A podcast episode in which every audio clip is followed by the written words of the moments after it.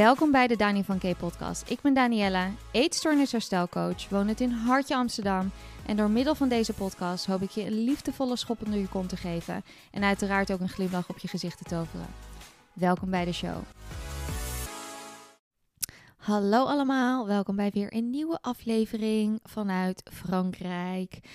Ik zit er op precies dezelfde plek. Ehm, ik ben uh, erachter gekomen dat deze podcast sturen naar mijn editor echt 500 jaar duurt ongeveer. Um, ja, het internet is hier echt ontzettend traag. Maar goed, dat terzijde. Um, ik wilde even mededelen dat deze podcast sowieso waarschijnlijk wat korter wordt dan normaal. Jullie weten dat ik op zich dat eigenlijk helemaal dikke prima vind. Want um, het hele doel was dat eigenlijk deze podcastafleveringen rond de 10, 15 minuten blijven. En ik zit nu letterlijk naar al mijn afleveringen te kijken. En de laatste was 25 minuten. Uh, die daarvoor was, nou wel rond de 10 minuten. Die daarvoor was ook 25 minuten meer zelfs. Daar, die daarvoor was 27 minuten. Die daarvoor was 23 minuten. Anyway, we zijn dus altijd met lange afleveringen bezig.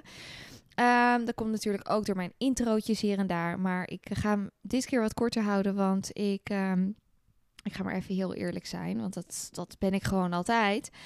Ik uh, verga echt van de oogpijn. Het is echt de afgelopen twee weken dusdanig heftig geweest. Het is weer heel erg met ups en downs gegaan.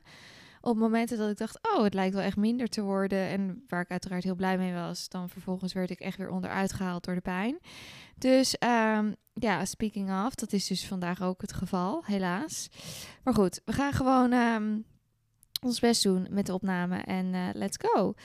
Ik wil het vandaag hebben over, zoals je aan de titel kunt zien, wat is nou normaal eten in herstel? En eet ik nou te veel suiker? Um, wat is eigenlijk nou, wat, wat, wat is goed? Hè? Wat is, die vraag krijg ik eigenlijk altijd. Wat moet ik nou gaan eten tijdens herstel?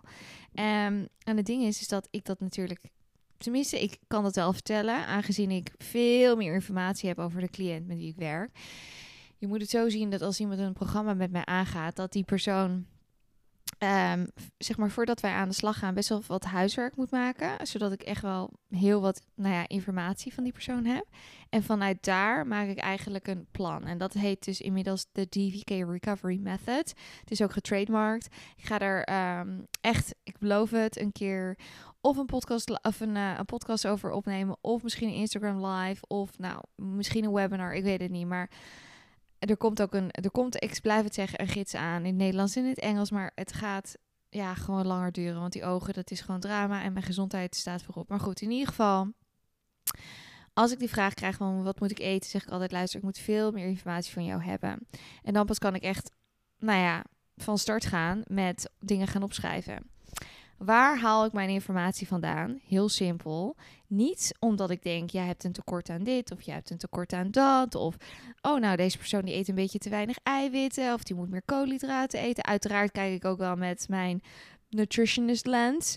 Dus ik kijk wel naar... Um, als over het algemeen de meeste mensen eten te weinig vetten. Dan krijgen we te weinig vetten binnen. Omdat dat vaak een van de eerste dingen is die uit een dieet worden geschrapt van een eetstoornis. Dus vetten en suikers zijn vaak de eerste dingen.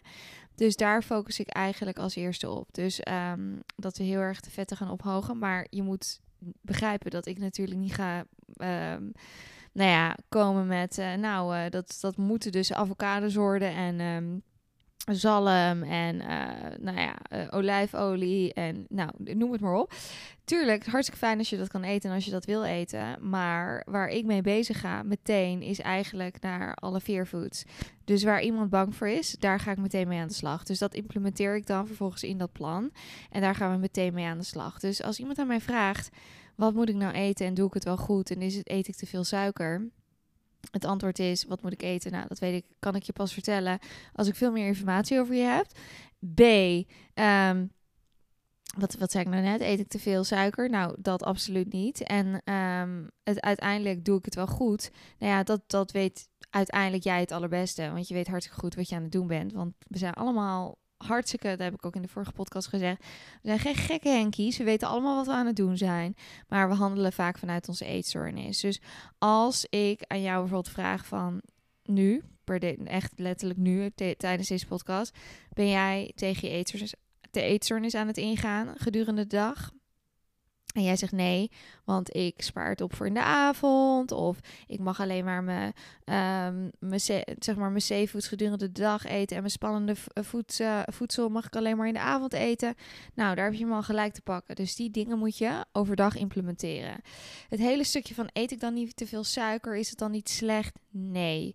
Sterker nog, een lijf wat in een energietekort zit en in een lekker tekort heeft dat gewoon heel erg nodig. Ik blijf dat zeggen. Ik denk dat jullie dit ook 500.000 miljoen keer moeten horen voordat het pas in de oortjes wordt geknoopt. Want dat, zo gaat dat gewoon met een eetstoornis. Ik moest het ook 500.000 miljoen keer horen voordat ik zoiets had van, ah, oké, oké, oké het is gewoon heel simpel. Een lijf wat een, een koekjestekort heeft of een suikertekort, die um, vraagt gewoon ontzettend veel suiker. Het is een beetje hetzelfde dat als je heel erg dorst dan ga je heel veel drinken en op een gegeven moment klap je uit elkaar en heb je echt geen zin meer in water of in gewoon in drinken in het algemeen. Dan ben je even goed voor een tijdje. En dat is vergelijkbaar met suiker. Als je een hele lange tijd, en dan heb ik het echt over niet een dag of een momentopname, maar over echt wekenlang uh, of maandenlang echt flink veel suiker en vetten en nou, noem het maar op, bewerkt voedsel hebt gegeten. Wonder boven wonder gaat jouw lijf dan vervolgens vragen, trust me, om echt andere producten. Dat is gewoon het geval. Dat heb ik ook in mijn Engelse podcast um, besproken. En ja, dit is gewoon de normale gang van zaken. En ik weet dat heel veel mensen denken: ja, maar dat stopt bij mij nooit. En ik zal wel die, die persoon zijn die altijd maar altijd een rol koek helemaal moet wegeten. Luister, ook dit ga ik honderd keer blijven zeggen. Het betekent niet dat als je hersteld bent, dat je dan niet af en toe nog steeds een rol koek weg eet of een zak chips leeg eet. Want dat doe ik ook nog steeds. Het gaat erom dat je niet meer die extreme craving hebt van suiker, suiker, suiker, suiker. En um, om een voorbeeld te geven, ik ben natuurlijk nu al, god, hoe lang is het? Acht jaar hersteld, denk ik. Misschien zelfs langer. Um, en ik. Um, ik heb, nou ja, ik noem dat dan high pain days, omdat mijn pijn best wel heftig is. En in het verleden had ik dan dat gebruikt als excuus om mezelf juist meer te straffen. Terwijl je eigenlijk zou moeten denken, dan moet je jezelf juist veel lekkere dingen geven. Um, weet je wel, self-soothing met eten vind ik alleen maar prima. Zeker als het op een normale, gezonde manier kan. En dat zou het bij mij kunnen. En dat doe ik dus nu ook. Maar dat deed ik destijds niet.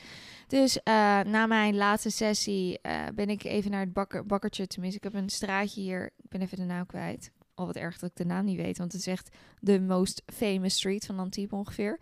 Waar er heel veel bakkertjes zijn. En ik heb een uh, favoriete bakker gevonden. Al moet ik zeggen, ze zijn allemaal fantastisch.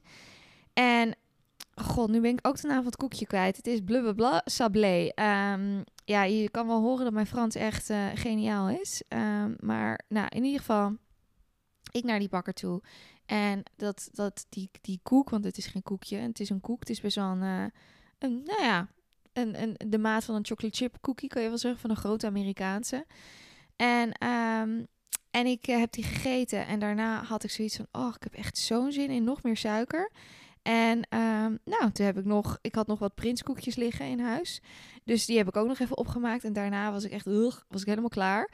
En um, en we move on. En toen had ik in die avond had ik echt zin in, uh, in een soort uh, ja, stir fry met rijst, met groenten en met allerlei andere dingen doorheen. Ik had nog zalm, ik had, nou, ik had een soort van uh, allerlei restjes op te maken. En uh, dat is eigenlijk hoe het normale, of tenminste hoe lijf op een gegeven moment gaat werken, is dat je nog steeds af en toe misschien te zaakjes doorschiet met bepaalde dingen, wat helemaal prima is. Dat is dus ook weer de misconceptie die heel veel mensen hebben van, oh ja, maar dan ziet mijn eetpatroon er helemaal tussen haakjes perfect uit, whatever that means.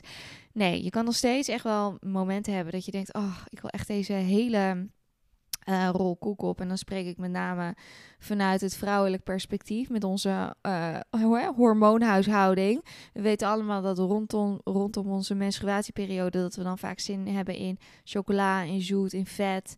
Um, en dat is heel normaal. Dat is ontzettend normaal. Dus wat ik eigenlijk wil zeggen is, je doet het goed als je tegen je eters ingaan en als je je angsten aangaat. En er is niet zoiets als te veel suiker, te slecht eten. Probeer ook echt die morale waarde weg te halen van eten. Het heeft gewoon een ander, um, ja, ander, andere voedingswaarde. En that's it. Dus um, ja, hoe je moet eten, dat kan ik je niet zo via deze podcast vertellen. Dat kan ik alleen vertellen als ik met een, echt met een cliënt werk. En alsnog, ik zeg altijd, luister, ik ben jouw lijf niet. Als ik iets opschrijf en jouw lijf vraagt om iets heel anders, ga daarvoor. Ga dan niet wachten. Oh ja, maar Danielle heeft nog geen toestemming gegeven. Of ja, maar dit staat niet op ons plan. Ik zeg altijd: ga, naar ga ervoor waar jouw lijf naar luistert. Want jouw lijf weet het allerbeste. En ik kan wel een hartstikke, hartstikke mooi lijstje opstellen. Maar dat, dat, dat uiteindelijk yeah, your body knows best. Dus um, ja, we houden het denk ik hier even bij. Het is een hele korte podcast, aflevering, om eigenlijk een soort geruststelling voor jullie te geven van je doet het goed als je tegen je eetstoornis ingaat.